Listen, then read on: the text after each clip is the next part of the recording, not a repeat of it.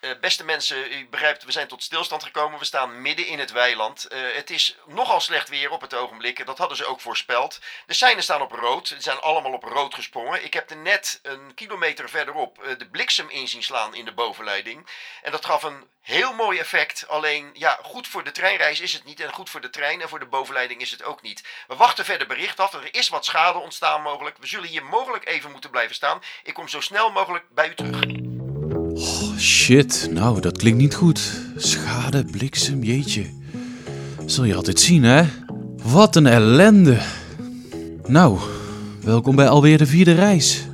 Waarin je samen met mij, Thijs, eh, zult verkeren in zwaar weer.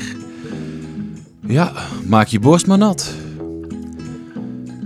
Zwaar weer, zwaar weer, ja, wat betekent dat? Dat hagel, sneeuwstormen, tornado's, eh, meteorietenregen, maar ook eh, het gemoed. Hè? Het gemoed kan ook in zwaar weer verkeren, nietwaar? En dat ligt in deze donkere maanden extra op de loer. Ja, soms wil ik deze tijd het liefste overslaan, want de winter, bah. Je wordt wakker en je denkt, nee, ik, ik wil mijn warme bed niet uit. Maar je moet, hè? En je stapt op de fiets, je regent nat. Ijskoude wind in je gezicht, je, krijgt een snotneus. eh, het wordt ontzettend vroeg donker. Je glijdt uit op een, op een gladde stoep, je krijgt een sneeuwbal in je gezicht en je denkt... eh, ja, waar doe ik het allemaal voor? Wat is de zin? Get verdemme, wat een ellende allemaal. Nou, misschien zit ik het een, een tikje te overdrijven. Dat komt, als ik eerlijk ben, ik kan ook wel een beetje genieten van ellende. Lekker zwelgen, toch? Ja, misschien is het ook wel niet zo erg om, om soms wat neerslachtig te zijn. En, en regen en kou zijn uiteindelijk ook niet onoverkomelijk natuurlijk.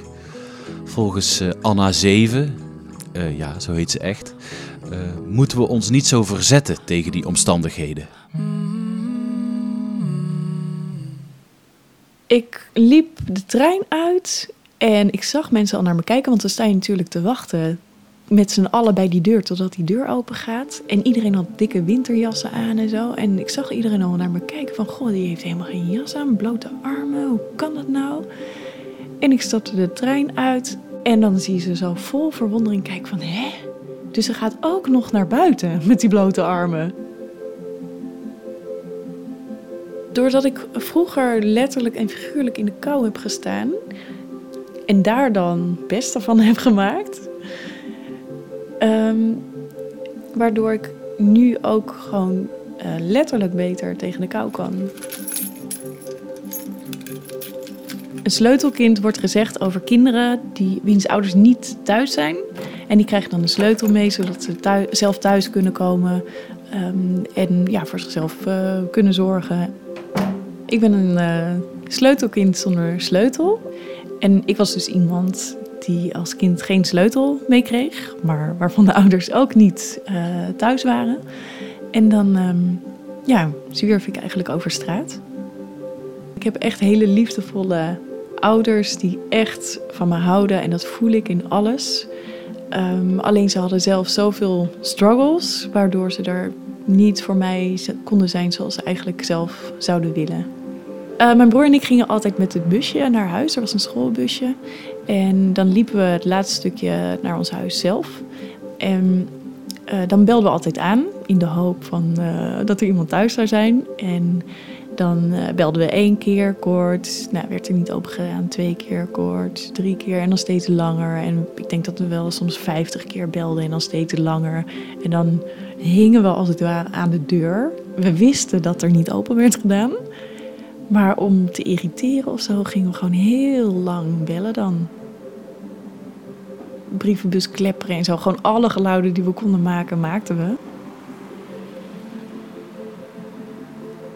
Toen, ah, er is niemand. Wat gaan we nou doen? En we zijn dan zo vaak bij oma geweest. We zijn dan zo vaak bij het vriendje om de hoek geweest. We zijn dan zo vaak bij onze neefjes en eh, een paar deuren verderop geweest. En we wilden altijd als eerste het liefst naar de neefjes, want daar was het heel gezellig. Daar waren veel kinderen. En we liepen daar naartoe en we belden daar aan. En ze hadden zo'n. ehm, een, deur, een hele ouderwetse deur. Met zo'n raampje wat zo van de binnenkant open kan. En toen ging twee, twee raampjes. En toen ging een van die raampjes open. En de oudste eh, zoon stond voor de deur. En die zei: Oh nee, niet weer hè, jullie. Bam. En het raampje ging dicht. Oké. En nu? Ja. Nou ja, dan maar naar dat jongetje om de hoek. Daar aangebeld. En eh, ja, af en toe waren zij dan ook niet thuis. En dan was het laatste, de last resort, was oma. Ehm, woonde bij ons in de straat ook. En een enkele keer was zij er ook niet. En die woonde in een eh, appartementencomplex. En daarvoor was een heel laag muurtje. En dan zaten we daar gewoon eh, ja, een paar uur te wachten totdat er iemand kwam. Ik denk dat ik meer geduld had dan mijn broer. Mijn broer die wilde heel graag dat mijn moeder thuis was en dat hij er voor ons was. En ik was daar relaxter in. Ik was daar meer aan gewend op de een of andere manier. En ja, dan was ik eigenlijk gewoon eh, relaxed. En dan zei ik van nou kom, we gaan gewoon even dit. Of eventjes eh, een spelletje doen. Of eh, auto's tellen. Of in die tijd heb ik echt alle automerken geleerd. ja. Naarmate dat je ouder wordt, ga je zien van... mijn ouders vertonen afwijkend gedrag. Ehm, ja, gedrag wat, wat niet heel wenselijk is bij kleine kinderen. Maar ik voel totaal geen boosheid naar mijn ouders. Totaal niet. De wetenschap dat er een reden voor is, maakt dat ik het kan accepteren wat er is. Dus ja, daardoor kan je gewoon helemaal in het moment ontspannen en zijn met wat is. Ik eh, gebruik eigenlijk geen verwarming. En ik gebruik geen winterjas. En ik douche koud. Ik neem af en toe een ijsbadje. Ik word er juist heel warm van. Heel energiek. Ik denk dat ik het het beste kan illustreren door het voorbeeld te geven van... Ben je alleen of voel je alleen? En je kan best alleen zijn, maar je hoeft je niet alleen te voelen. Er is kou, dat is een feit, maar ik hoef het niet koud te hebben. Dus ik voel wel dat het koud is, maar in dit geval blijft alleen maar de sensatie over. Van tinteling op mijn huid of een prikkend iets. Of, maar dat hoeft niet meer pijnlijk of vervelend of naar te zijn. Je kan je wel verzetten tegen iets, maar dat maakt de situatie nog niet anders. Dat maakt zelfs je beleving ervan vervelender, zwaarder. En dat is emotioneel, maar ook fysiek zo. Oké Anna, we gaan ons dus niet meer verzetten. Wat het trotseren van de kou betreft gaat Tom Leidelmeijer nog een stapje verder. Ik duik elke ochtend of in de Delftse Hout of in de Noordzee, afhankelijk van waar ik op die dag moet werken. Om de dag altijd te starten met een hele frisse intentie. Eh, ik zat een tijdje slecht in mijn vel. En het enige wat me nog een beetje afleiding gaf, was een duik in de zee. Dan merkte ik gewoon dat ik dan soms op zo'n moment eventjes eh, ja, me ietsje beter voelde. Niet zo in eh, allerlei vervelende gedachtegangen, rotgevoelens. En toen dacht ik op een gegeven moment zo, wow, hier ga ik elke dag mee starten. Omdat Tom zoveel ervaring heeft met kou, vroeg ik hem of hij wat tips had voor ons, de koukleumen. Hoe je kan omgaan met de kou. Voor mijzelf is het een mindset. Deze reis van mij, die gaat momenten opleveren van kou. En dan ben ik weer binnen, kou en dan ben, je weer, ben ik weer thuis. Maar ik weet dat dat erbij hoort. Nou, jij zit dan nu lekker in een warme trein. En zometeen moet je misschien overstappen. En dan sta je daar een half uur op een koud perron. Maar het hoort bij mijn reis. De tweede oefening die jij kan doen, is heel goed letten op je ademhaling. Als je het heel koud hebt, trek je je schouders op, dan gaan je armen tegen je lichaam aan en je ademhaling komt dan zo heel hoog, weet je, bij je borst. Kan je dat voorstellen? Wat je dan nu gaat doen, is één hand op je buik leggen, diep door je neus inademen, voel dat je hand omhoog wordt gedrukt door je buik.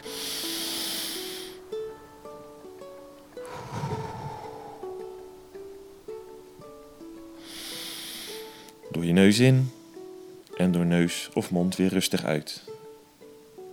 En dan ga je ook vanzelf je schouders naar beneden laten zakken, je armen niet meer zo verkrampen tegen je lichaam aan. En dat zal je ontzettend helpen. De laatste tip die ik voor je heb is visualisatie. En ik zal je mijn visualisatie even voorleggen, dan kan jij straks je eigen visualisatie daarbij kiezen. Ik stel me dan voor, mijn dochter is nu 23, maar ze is op dat moment 5 jaar. En ik sta bij de uitgang van school en het is de laatste dag voor haar schoolvakantie. En ze komt naar buiten en ze vliegt me om de nek, want ze is heel verdrietig omdat ze een aantal kinderen van haar klas dan heel lang niet gaat zien.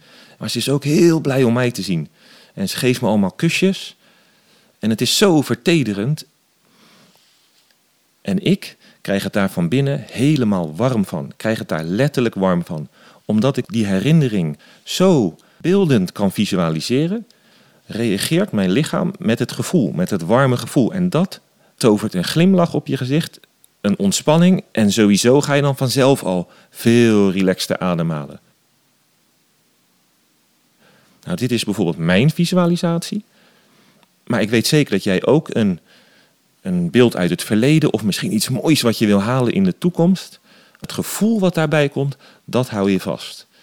Nou, dan zit jij daar met een enorme glimlach op dat winderige perron. Okido Tom, visualisatie. Nou, dan uh, visualiseer ik volgende keer als ik op station Apkoude sta te bibberen dat ik op vakantie ben in, in snikheet Rio de Janeiro, waar ik feestend en, en met een cocktail in de hand naar een stoet schuddende billen sta te kijken. Ja, daar word ik nou warm van. En wie weet werkt het. Maar helaas mag niet iedereen afdwalen. Sommigen zullen moeten dealen met dat slechte weer. Bijvoorbeeld machinist Gerard van Dijk. Met name die vallende blaadjes zijn een veel groter probleem dan ik dacht. Bij de blaadjes op de rails, die gaan vallen vanaf augustus al, want er zijn de eerste bomen die hun blaadjes al, al, al kwijtraken.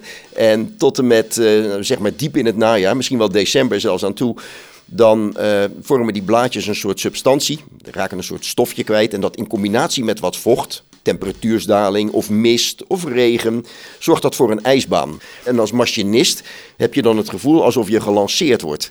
Dus in plaats van te remmen, word je een soort van, krijg je een soort push van het gewicht van de trein. En ja, dat is een zeer naar gevoel. Het heeft een keer een consequentie gehad dat ik toen ik van Utrecht naar Arnhem reed als stoptrein. En toen reden we nog met die bolle neuzen, mat 64 en, en de hondenkop. En, eh, en ik had toen een mat 64 met een bolle neus. Als stoptrein van Utrecht naar Arnhem was niets aan de hand. En ik ga terug. Ik heb een bak koffie genomen in Arnhem een half uurtje later.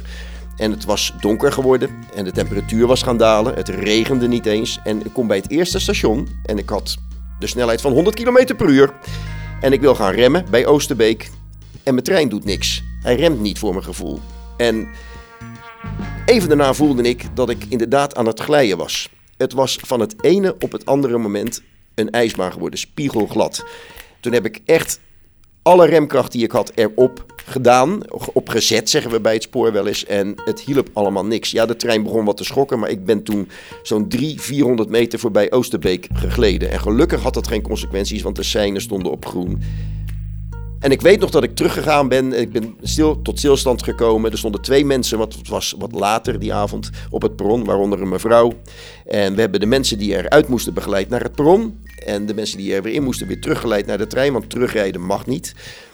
Die zei, meneer, er komt allemaal rook en vuur onder uw trein vandaan. En dat, ja, dat betekent dus dat die substantie zo heet wordt waarop je glijdt, dat dat eh, voor een spectaculaire uh, vonkenregen zorgt. Heden ten dagen hebben we iets minder last van gladde sporen. Iets minder last, want er wordt wat spul zo af en toe op de rails gesmeerd. Maar het blijft wel een probleem. En wij als machinist moeten dan wat rustiger optrekken, wat rustiger remmen. En dat voorkomt wel eens wat ellende. Maar het blijft een probleem. Nou, gelukkig liep dat allemaal goed af. Jaren geleden maakte Willem Dudok een zeer vervelende treinreis mee. Van Nijmegen naar Breda. Over hoe rot je je kunt voelen in een coupé. Het was uh, 2000 en ik studeerde onderwijskunde in Nijmegen. En het was een donderdag. En wat ik me herinner was dat ik eh, koffie aan het drinken was. Daar in de kantine met iemand aan het praten was. Gewoon een vrolijk gesprek over niks, zoals je dan heel veel hebt. Eh, en dat ik toen in één keer mijn vriendin binnen zag stormen. Met betraande ogen en een rood hoofd. En die zei, je moeder heeft een hersenbloeding gehad. Je moet bellen naar het ziekenhuis. Toen heb ik het ziekenhuis gebeld en toen duurde het even. Toen kreeg ik mijn vader aan de telefoon. En die zei eigenlijk meteen, het is wel echt goed mis. Ehm, en je moet nu komen naar Breda. Toen hing ik op en, en eh, ben ik op de fiets gesprongen en naar het station gereden. Eh, terwijl ik wist dat er maar twee keer per uur een trein ging en dat ik hem net gemist had. Eh, maar ik dacht, elk beetje haast tot ik in mijn reis kan, kan leggen, dat is meegenomen. Het was een rustige dag. Het was volgens mij midden op de dag ook, dus er waren niet heel veel mensen op het station. En ehm, ja, die, die trein kwam er niet, want die rijden gewoon volgens dienstregeling. Na 20 minuten kwam de trein. Toen stapte ik in, die was eigenlijk ook redelijk leeg. Ehm, en uh, toen ging hij rijden. Ik weet nog heel goed dat ik het heel erg licht vond in de trein. Um, en dat ik uh, me de geluiden ook heel goed kan herinneren. Dus dat was de periode, dat is volgens mij nu niet meer, maar dat was de periode dat de intercities een soort van heel monotoom, zoemend geluid maakt als ze optrokken. Dat is echt zo. Dat is echt volgens mij iedereen die in die periode heeft gereisd, die weet dat nog wel. Dat is het soort. Het is ook heel lekker om in slaap te vallen als je niet zoveel onrust had als ik. Uh, maar dat kwam op een of andere manier echt super hard binnen, allemaal. Dus was een soort van hele rare serene rust om me heen. Terwijl in mezelf ik gewoon aan het koken was van alle emoties. Wat ik me ook nog herinner was de railcateraar. Die op een soort van hele opgewekte toon begon om te roepen dat hij ook gevulde koek had. Dat was toen volgens mij precies in de periode dat ze zo'n televisiecampagne hadden... waarin dat zeg maar een soort van de tagline grap was die ze dan maakten. Uh, en vervolgens ook zijn halve assortiment begon op te dreunen. En dat duurde, dat duurde maar en dat duurde maar. Hij had ook gevulde koeken en hij had ook M&M's en hij had ook verse koffie en hij had ook thee. En, soort, hij deed het met een soort van opgewektheid die soort totaal contrast was met mijn droefheid. Maar ook soort van... Uh, ik was ook super opgewonden natuurlijk, want je weet gewoon, dat soort super gestrest eigenlijk. Ik heb geen koffie bij me gekocht. Volgens mij is het iets meer dan een uur in totaal. Nijmegen, Os, Den Bosch. Ja, het laatste stukje is dus, was dus, ik weet niet of dat nog steeds zo is, Tilburg West. Dat is zeg maar, dat, was, dat heet nu volgens mij Tilburg Universiteit of zo. Richting Breda. En dat is echt, echt een pisstukje. Echt gewoon zeven minuten nog. Uh, en ik weet nog echt dat ik bij dat de trein wegreed uit Tilburg West. En dat ik toen eigenlijk naar de deur ben gelopen. Uh, omdat ik dacht, ik moet gewoon als eerste de, de trein verlaten. Ook al zit hier verder bijna niemand anders. Maar ik moet, dit is, hier kan ik weer een soort van controle over uitoefenen. Dat ik gewoon op het station zo snel mogelijk de trein uitstap. Uh, en uh, de trappen af kan rennen. Op het moment dat ik aankwam in het ziekenhuis, toen werd ik door de receptioniste naar de tweede verdieping verwezen. En uh, toen ik de liftdeuren open ging, stond mijn vader me op te wachten. En die, ik zag aan zijn gezicht, uh, het is eigenlijk meteen, dit is echt niet goed. Ik heb samen met mijn vader de rest van de dag en eigenlijk de hele nacht bij haar gewaakt en gezeten. En om kwart over negen ochtends is ze uiteindelijk overleden. Als ik er nu over terugdenk, vraag ik me eigenlijk vooral af waarom ik niet gewoon een taxi heb genomen. dat was eigenlijk veel sneller geweest. Dat is eigenlijk het enige wat ik me, wat ik me als, ik er, als ik er nu over nadenk, dat, het, eigenlijk, dat, ik het eigenlijk, dat ik dat heel gek vind dat ik dat niet had bedacht. En um, ik heb nog steeds een ongemakkelijk gevoel bij railcateraars. Het was zo verschrikkelijk mistig die dag.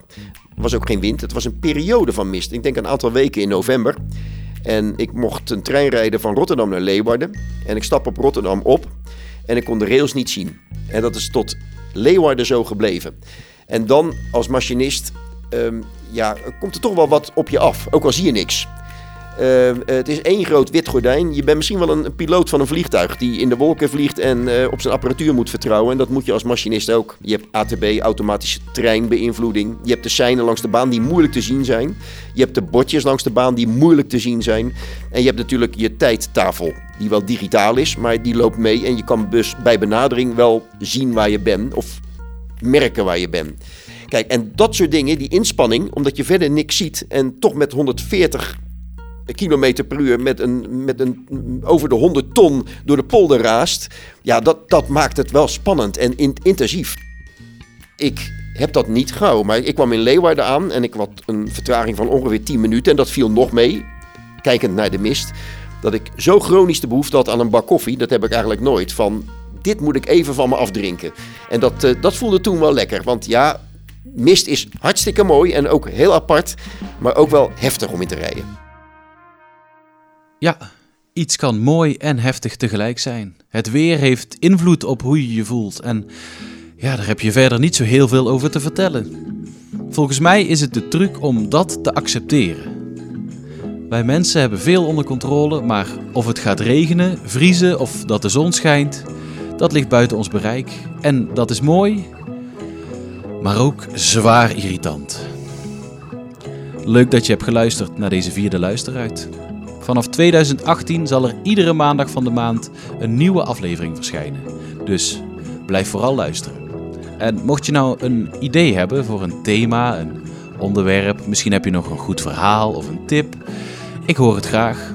Stuur het naar thijs.luisteruit.nl Deze aflevering is gemaakt door Tjitske Musche, Lotte van Galen, Twan van Bracht, Tom Loijs en Manon van Hoekel in opdracht van de Nederlandse Spoorwegen. Technicus was Alfred Koster. Het lijkt me leuk als ik volgende maand weer met je mee mag reizen. Je kunt je abonneren op Luisteruit via Stitcher of de podcast-app. Tot dan!